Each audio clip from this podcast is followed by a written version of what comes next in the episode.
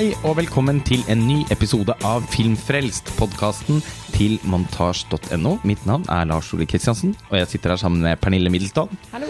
Truls Foss Hallo. og Raskva Koresinski. Hei. Vi er eh, fortsatt på filmfestivalen i Tromsø.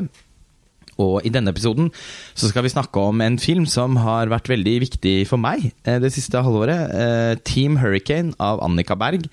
Dansk ungdomsfilm som hadde verdenspremiere i ganske sånn obskurt sideprogram i Venezia. Kritikeruken. Høres gjevt ut, men eh, de fleste filmene som vises der, ender ikke opp med å få så veldig mye oppmerksomhet, verken under festivalen eller etterpå.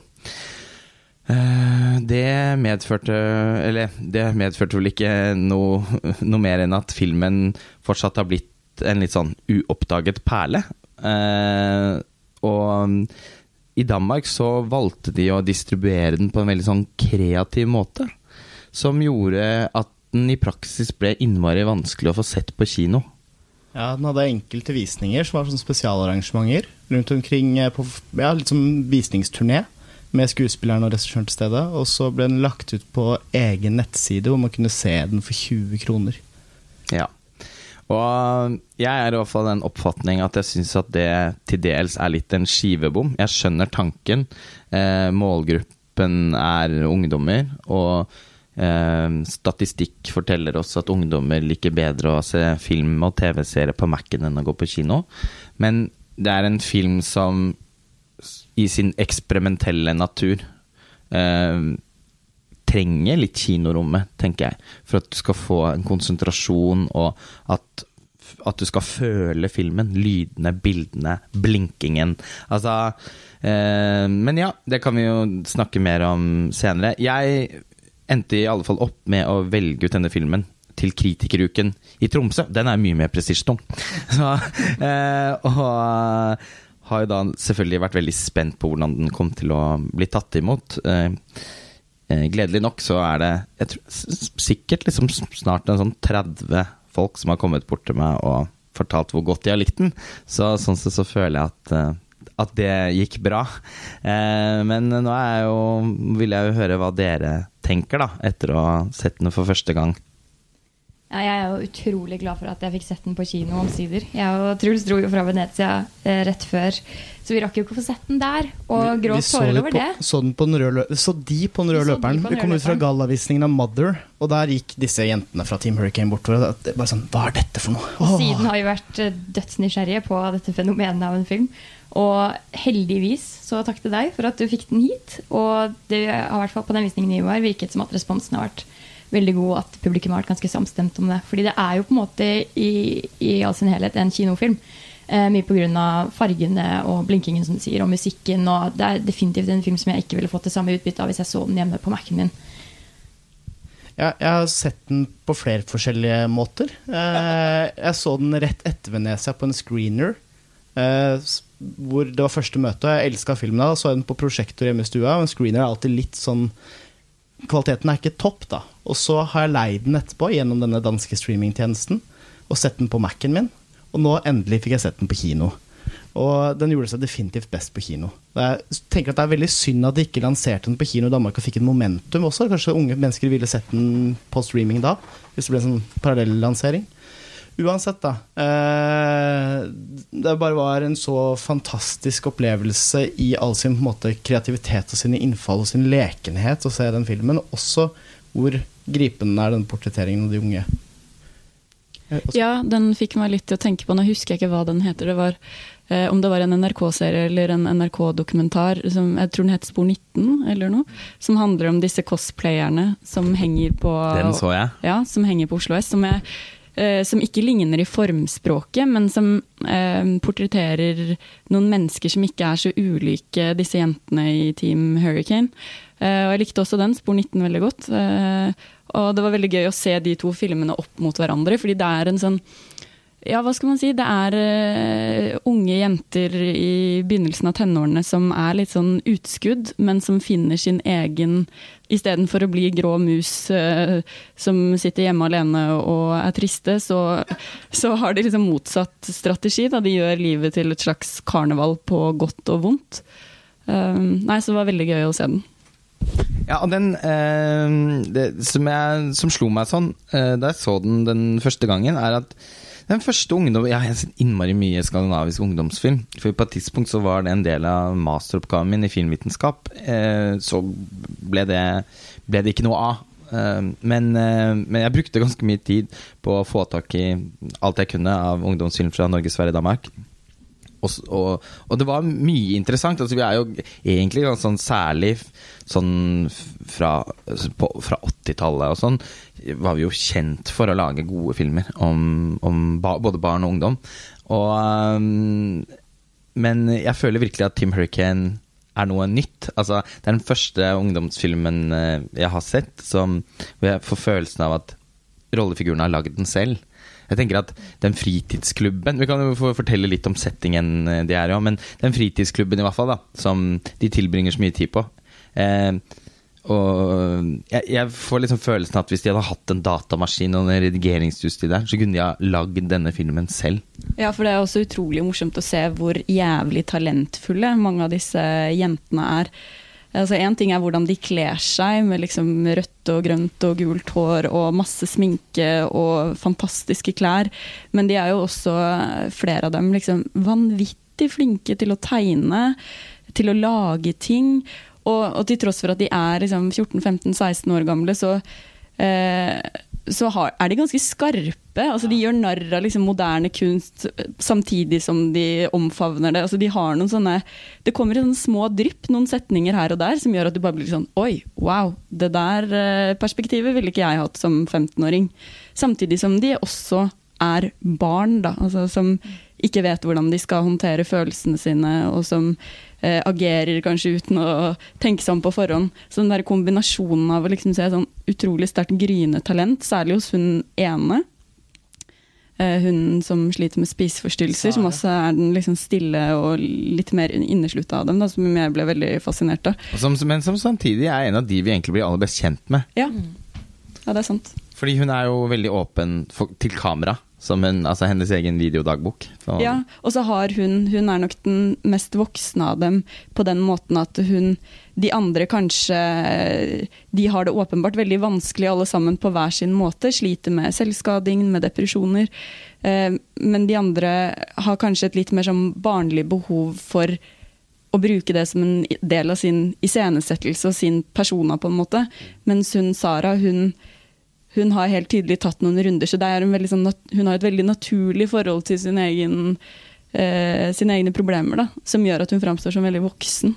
Ja, er på godt og vondt liksom veldig reflektert over situasjonen sin. Man merker også at hun nesten er litt for smart for sitt eget beste tid. Mm. I forhold til det å snakke om sykdommen sin. Altså, det er smertefullt å høre på henne. Og Hun går jo ofte rundt med mobilkamera og filmer seg selv. Prater om at hun skal på Bispebjerg hospital for å ta nye prøver og videre og samtaler. Og for å spise. Ja, for å spise. Og for å da diskutere eller hele tiden også sånn Jeg er ikke redd for kalorier, det er ikke det som er casen. Eh, men også den derre hvor hun reagerer på at de kaller det anoreksi, at hun syns det blir feil, osv. Det var veldig rørende hvor moden hun faktisk var. Altså hvor moden alle var, men spesielt hun, da, som dere sier. Det er jo en veldig gripende scene hvor hun sitter rundt bordet med alle sammen og skal faktisk fortelle dem hva greia er. Fordi jeg tror ikke de har så mye innsikt i det, egentlig. Jeg er i hvert fall ikke så veldig kjent med eh, Spiseforstyrrelser er kanskje ikke et like stort problem for de andre, da. men så legger hun fram om det, og hun er bare så Altså, det er så hun er så åpen, og hun holder ikke tilbake på noe. Og hun sier det som om det er det mest naturlige ting i verden å dele det. Og det som er kanskje det vakreste av alt, er hvor aksepterende absolutt alle er. Det er, liksom, det er ingen fordommer, og ingen dømmer henne. Og de er interesserte og er bekymret for henne. Og jeg bare synes det var veldig vakkert, og det styrker på en måte det samholdet som allerede er der. Som også er sterkt helt fra starten av. Det synes jeg var veldig fint. Det er verdt kanskje å skyte inn og si at det er, det er en slags kombinasjon mellom hva skal jeg si for noe, dokumentar, dokumentar, fiksjonsfilm og videokunst. At det er virkelig en mash på ting. For det er tydelig at det ligger liksom virkelighet i grunnen her, og på slutten av filmen så står det litt morsomt sånn Based on a true story. Ja, fordi Det er verdt å si da at eh, på en måte den slags fiksjonelle rammen her, det er da en fritidsklubb hvor de jentene møtes og blir kjent med hverandre, og det skapes et samhold. Eh, og samholdet styrkes på en måte ytterligere. Eh, eller på en måte minnet om denne sommeren eh, forsegles av at den fritidsklubben blir lagt ned. så det kommer aldri til å være akkurat sånn igjen. Men rollefigurene og deres og deres sånne confessions, holdt jeg på å si, til kameraet, videodagbøkene, tingen, situasjonene som de forteller om til hverandre, er basert på deres egne erfaringer. Og de har på en måte da delt så mye de har lyst til. Eh, så de, de spiller jo på en måte seg selv, men det at akkurat disse har blitt satt sammen i dette huset, si, altså, det er jo fiksjon. Men eh, men det er, så jeg syns også det er kult at filmen er uinteressert i hvor de grensene går. At det er bare en film. Og de holder ikke tilbake heller. Det er sånn, det er veldig fint når du blir kjent med dem på individuelt vis, og de har med seg kamera hjem og snakker til kamera, snakker direkte til oss, så er de ikke sjenerte, og de er veldig åpne om hva de sliter med. Og, og så er de også åpne om at de er på en måte klar over i sin egen situasjon at det, det, det høres kanskje helt håpløst ut. Altså, jeg burde jo ha det bra, men jeg har ikke det, rett og slett. Og så viser de liksom alt fra sine indre demoner til det ytre da, på kroppen og hva de sliter med, alle kompleksene. Og det er liksom Uansett hvem av de det måtte være, så tror jeg de fleste kan relatere til et par av dem. Uh, hva man selv sliter med når man er i tenårene. Og, ja. ja, og akkurat det du sier der, syns jeg også var noe av det som var interessant med filmen. er at det, du kan si at dette er tematikker som vi har diskutert siden i hvert fall 90-tallet, kanskje tidligere dette med selvskading, spiseforstyrrelser, eh, mobbing, altså utenforskap. Men det som er spennende, er jo å se da en generasjon som har vokst opp i et samfunn hvor det psykologiske språket Altså, det fins overalt. Eh, der man tidligere kanskje ikke visste hva det var. Hva er det som er galt med meg, hva er dette? Så er de sånn overbevisste på sine egne diagnoser og sine egne problemer, og de setter det nesten helt sånn automatisk i en kontekst fordi de, det språket har de blitt fora med fra barnsbena. Uh, og det syns jeg Ja, det var noe av det jeg satt og tenkte på da filmen var ferdig. da, Hva det gjør med For én ting er hva det gjør med oss voksne, men hva det gjør med unge mennesker. Uh, at det er så mange diagnoser tilgjengelig, og det er, det er, et så etablert språk for noe som oppleves som veldig personlig. Uh, og det, ja, det, bruker de jo i, i kunsten de lager, og, men det også gjennomsyrer samtalene de har med hverandre. og Det syns jeg var ganske spennende. Ja, og samtidig som den da Den, den lar jo oss også få bli kjent med dem bak det språket og de forklaringsmåtene.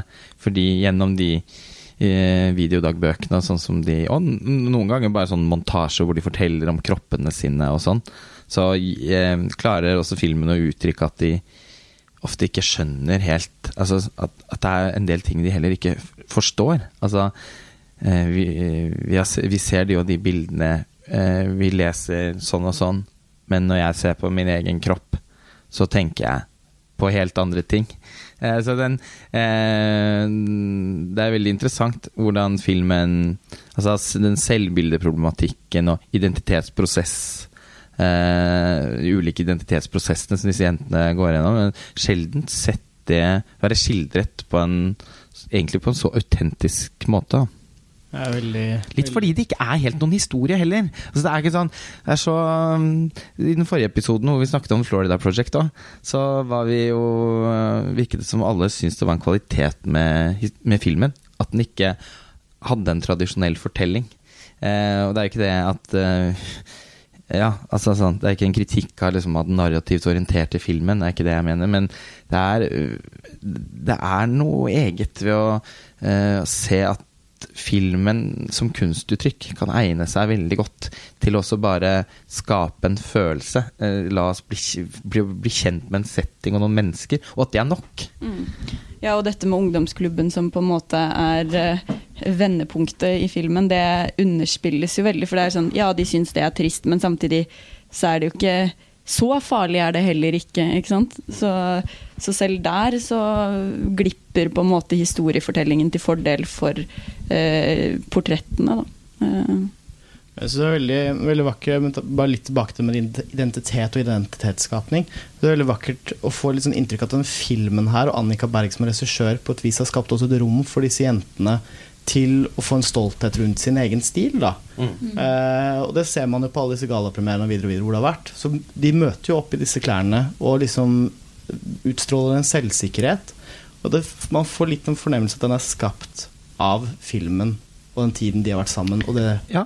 Og de får lov til å definere filmens stil. Altså, den, den, en ting er Filmen speiler jo da, synes jeg, det demokratiske ved dagens mediekultur. Hvor alle kan dele, og hvor alle kan lage noe. Og eh, ja, så, som jeg sa, så jeg får følelsen av at de liksom har laget filmen sjøl. Og selv om de jo ikke helt har det, så har de vært veldig deltakende i, prosess, i den kunstneriske prosessen, og, og helt åpenbart fått lov til å være med å definere estetisk, altså stilgrep og ja. Ja, Det er veldig liten tvil om at det er autentisk. Og med tanke på det hvordan vi så at de dukket opp på premieren og eh, Jeg er veldig overbevist om at det er sånn de er. da At det er sånn de liker å kle seg, og at de har virkelig bare 100 tatt med sin egen identitet inn i filmen. Og selv om ikke de har eh, hatt regi selv, så ja, har, jeg vedder på at de har vært med De har dekorert denne festen, og de har liksom De har valgt, sikkert fått velge kostymene sine selv, og kanskje også hatt en finger med i musikken, som er veldig viktig i filmen. Må vi jo snakke litt om. Playlisten. Eh, Det første som skjedde i Venezia, hvor ah, vi var helt i hundre. over eh, det, er, det, er sånn, det er en film som Det er så sjelden film å oppleve. At man, når man ser flere hundre filmer i året på jakt etter sånn som dette her, så blir man jo helt i hundre, ikke sant? Og da er det lett å bli ukonsentrert. Men heldigvis så var det Karsten eh, som, eh, som passet på å ta opp eh, smartphonen og fotografere rulleteksten der hvor det kommer opp hvilke sanger de har brukt i filmen. Mm. Nå fins det jo en playlist på Spotify Ja, da, og den, vis, ja, og den fantes allerede den gangen. Altså, noen hadde vært der, så de får kjøpe sikkert de som har laget filmen. Men denne playlisten i hvert fall som finnes på Spotify, som heter Team Hurricane, det er jo et av altså, årets eventuelt nå, da. Altså soundtracks, det. Ja. Ja, definitivt. Sett den på Alt, på hvilket som helst fest. Ja. alt fra liksom tacky britisk popmusikk med Hannah Diamond til liksom Ja, den Hannah Diamond-sangen Ja. er den mest spilte sangen for meg eh, siden Venezia i fjor og fram til Ja, den er så bra. Jeg tror jeg har hørt på den 28 ganger bare siden i går, liksom. Ja, etter at du så filmen. Ja, men altså den eh, det, I Venezia og etter at jeg gikk rundt eh, ja, De par siste dagene der var jeg der alene. Og Da gikk jeg mye rundt med headphones og hørte på den bare non stop hele tiden. Og, var veld, og følte meg lykkelig. Den fikk et skikkelig løft for min del etter å ha sett filmen. Eh, Det var nesten så jeg ikke kunne tro det var samme sang, for jo, Lars Ole har jo spilt den eh, for meg, sendt meg YouTube-klipp og 'hør på dette'. Og så Stemmer det. Du fikk den samme kvelden, du. Ja, og så var jeg sånn Lars Ole, nei, her går faktisk grensa for meg. Dette, dette går ikke. Det er greit jeg liker pop, men eh, den autotunen der høres ut som sånn Jeg husker det var sånn leker som het Furby da jeg var liten. det høres ut som det er sånn Furby som synger. Eh, men etter å ha sett filmen så kjente jeg at jeg også fikk litt lyst til å gå hjem og høre på den. Jeg hadde jo faktisk et lite forhold til hun artisten før, for jeg syntes det var så klikken det du laget. Så da liksom samla det i sånn Spotify-liste som en sånn kuriositet. For det er enda mer ko-ko det andre hun har. Ja, Så jeg det hørt på det er den def- definitivt beste låta. Men Ja. det går fra det til at det er noe, det er noe trans-opplegg, og så er det dansk grumsete hiphop fra liksom Som er mørk. Og det er, Så er det noe sånn japansk mangamusikk. Ja, sånn dansk liksom New Order Nei, eh, ja, New Order rip-off. Nei, ikke New Order. Uh, Deppers Mode rip-off-band-ish, som er en der. Og så er det en veldig kul låt fra Smerts. Ja, Smerts? Smerts? Norske, Ja. I den utrolig, utrolig kule scenen som er filmet ovenifra når de dekorerer et helt gulv med mat. Så får Ja. du nesten hele den låta. Hvor de voksne kommer og bare Hva Hva, faen skjer det her? hva skjer det? Det er vår kunst! Ja. Det, det er sånn var det. Vår Hva det kunst. For de skal jo få lov til å uttrykke seg. Ingen skal forklare dem hva som er god kunst og ikke, for de har jo selv vært og sett og syns ting har vært latterlig. Ja, det er morsomt. Men det får dessverre ikke bli til den endelige utstillingen. Nei. Hei, hvor det lukter. Nei, å, det er morsomt. Eh, og det er jo For å bli ferdig med den musikken, da, men det er jo også da en sånn dansk sånn barnetrans, eh, barnetekno eh, her fra 90-tallet. Altså, eh, Danmark var jo store på det. det var, først så var det liksom Aqua, som også de voksne kunne høre på. Men når man gikk ned på sånn Days og Toybox og sånn, så ble det litt vanskeligere. Og det er rart hvordan de tingene der liksom går sånn Ja, livet er en sirkel. For, for den vi vendt tilbake. Ja, for den Eblemann kom innenfor.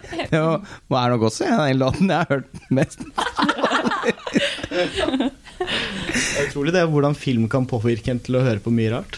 Ja, og, og de er veldig morsomt brukt i filmen, da, for de har dollet seg skikkelig opp og skal liksom eie en fest som de skal til, og så oppdager de at Sodavennfest. Ja, og så er det, og så er det sodavannfest. De oppdager Diskotek, liksom. Ja. Sånn skolediskotek, og voksne foresatte er der. Og liksom Å, kjempe wow! Og så spiller de Eblemen, kom inn for Eblemen. og de bare I want a låtefest.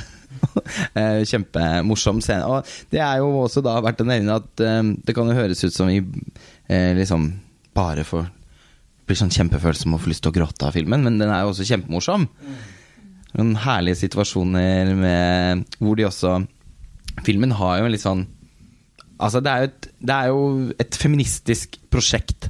Eh, Annika Berg har jo da så å si bare kvinnelige filmarbeidere eh, bak kamera også. Så, og, og det er jo én uh, mannlig skuespiller i filmen, som er denne slags vaktmesteren, som er en veldig skjønn type. da ja, som forsøker å sette noen grenser, som annet innebærer at hun ene ikke får ha med seg sin kjempestore hund. Altså, den hunden er jo så stor som burde vært i zoo, på en måte. Den største hunden, Ja. tydeligvis. Ja, det har sett, den må i zoo. Som hun har oppkalt etter seg selv. Det er Ida. også veldig morsomt. Ja, ja kjempemorsomt. Og han liksom Nei, men altså, det kan, kan ikke være sånn at alle kan ta med sine hunder. Da blir vi i en kennel. Nei, det syns jeg altså ikke er riktig. Og hun vil ikke gi seg.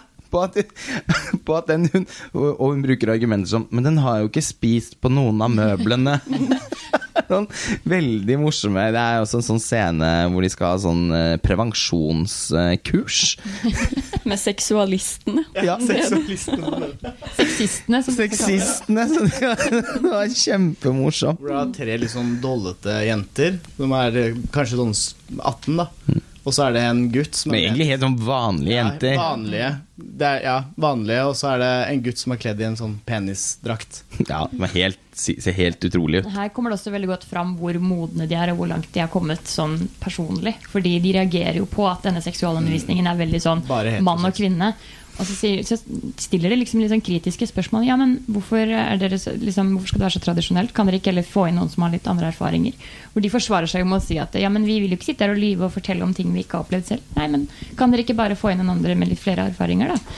Ja, så er det også morsomt Det må være litt mer diversity, ikke? Ja. Ja, og når de, de seksualistene da først liksom forteller hvordan man skal gjøre en blowjob, og man skal ikke bli tvunget, og så er det liksom klippet til disse jentene som sitter og lytter og ser litt sånn beklemte ut, og så tenkte jeg sånn å, ja, dette syns de er kleint, men det er ikke det. Det er bare det at de syns det er liksom barnslig, nærmest. Ja, det er det. For akkurat som om de ikke veit hva dette dreier seg om. Ja. Det er jo denne Ida som ender opp med å sette det litt på plass. Og det er veldig gøy når de kommer ut etterpå, de jentene, og de andre sier sånn Nå var du litt slem, Ida. Og Ida bare Nei, jeg bare ga de konstruktiv kritikk. Ja. Og den, eh, og, og den konstruktive kritikken på, altså den, Det er noe med hele den filmen som er sånn Det føles sånn litt sånn aktivistisk prosjekt. Eh, på grunn av eh, eh, Ja, altså sånn eh, det at det er noe så sjeldent da som en film hvor Tenk på alle filmene hvor det bare er menn, eh, både foran og bak kamera. Så det er liksom det er, og, og så dessverre, på en måte, da, så er det jo en veldig sjelden fugl, sånn sett. Eh, men en slags sånn det feministiske prosjektet og, og den litt sånn aktivistiske viben som hele Team Hurricane sender ut, den er jo også veldig da speilet i, i den lille fortellingen. Og i, i karakterene, selvfølgelig, men også i det at de på et tidspunkt skal da forsøke å stå opp for, å, for fritidsklubben sin, og at den ikke skal bli lagt ned. Og jeg tenkte mye på det etter å ha sett filmen, at er det ikke helt jævlig òg at disse tilbudene forsvinner? Det er sikkert i Danmark, akkurat som i Norge, at alle sånne fritidsklubber og aktivitetshus og sånn for ungdom, som er så viktige, blir lagt ned. Og det blir argum argumenter som ungdommen tilbringer mer tid inne foran dataskjermene enn før. Det kommer ikke så mange som vi hadde håpet på. Det har ikke noe å si, fordi de åtte eller ni jentene, de kom. Og det holder. Det er, verdt, det er verdt den millionen som det koster å, samfunnet å holde i gang den fritidsklubben. Så det er noe sånn eh, Ja, så jeg tenker den har på en måte sånn sett et ekstra politisk eh, slagside. Ja, også, men med det, det med fritidsklubben, at også i uh, alle de scenene som utspiller seg der inne, at det er det er liksom vekk ifra datamaskinen og iPaden og telefonen, selv om de har det hele tiden. Det er ikke det det er, men liksom at de sitter og maler og driver med disse praktiske tingene og får lov til å boltre seg på en måte de ikke får hjemme, da. Men som de har mulighet til å gjøre der. Det er veldig fint å se. Vi er eh, dessverre nødt til å runde av denne episoden, selv om det er så innmari mye man kunne sagt om Team Hurricane. Forhåpentligvis så vil vi vende tilbake til den igjen, ikke nødvendigvis på Filmfrelst, men kanskje i form av noen artikler. Eller det er i hvert fall en film jeg føler at eh, vi må prøve å holde liv i så lenge som mulig, fordi den fortjener å bli sett av veldig, veldig mange flere. Ikke minst i Danmark. Og siden jeg vet at vi har en del danske lyttere og lesere, så eh, kan det forhåpentligvis eh, bidra til noe, noe positiv word of mouth eh, blant eh, folk som er interessert i film, men som ikke har sjekket den ut i Danmark. Tallene tyder i hvert fall på at det ikke er så veldig mange som har sett den der. Vi kommer venner straks tilbake med en ny episode av Filmfrelst. Tusen takk til dere. Takk. Takk. Ha det bra.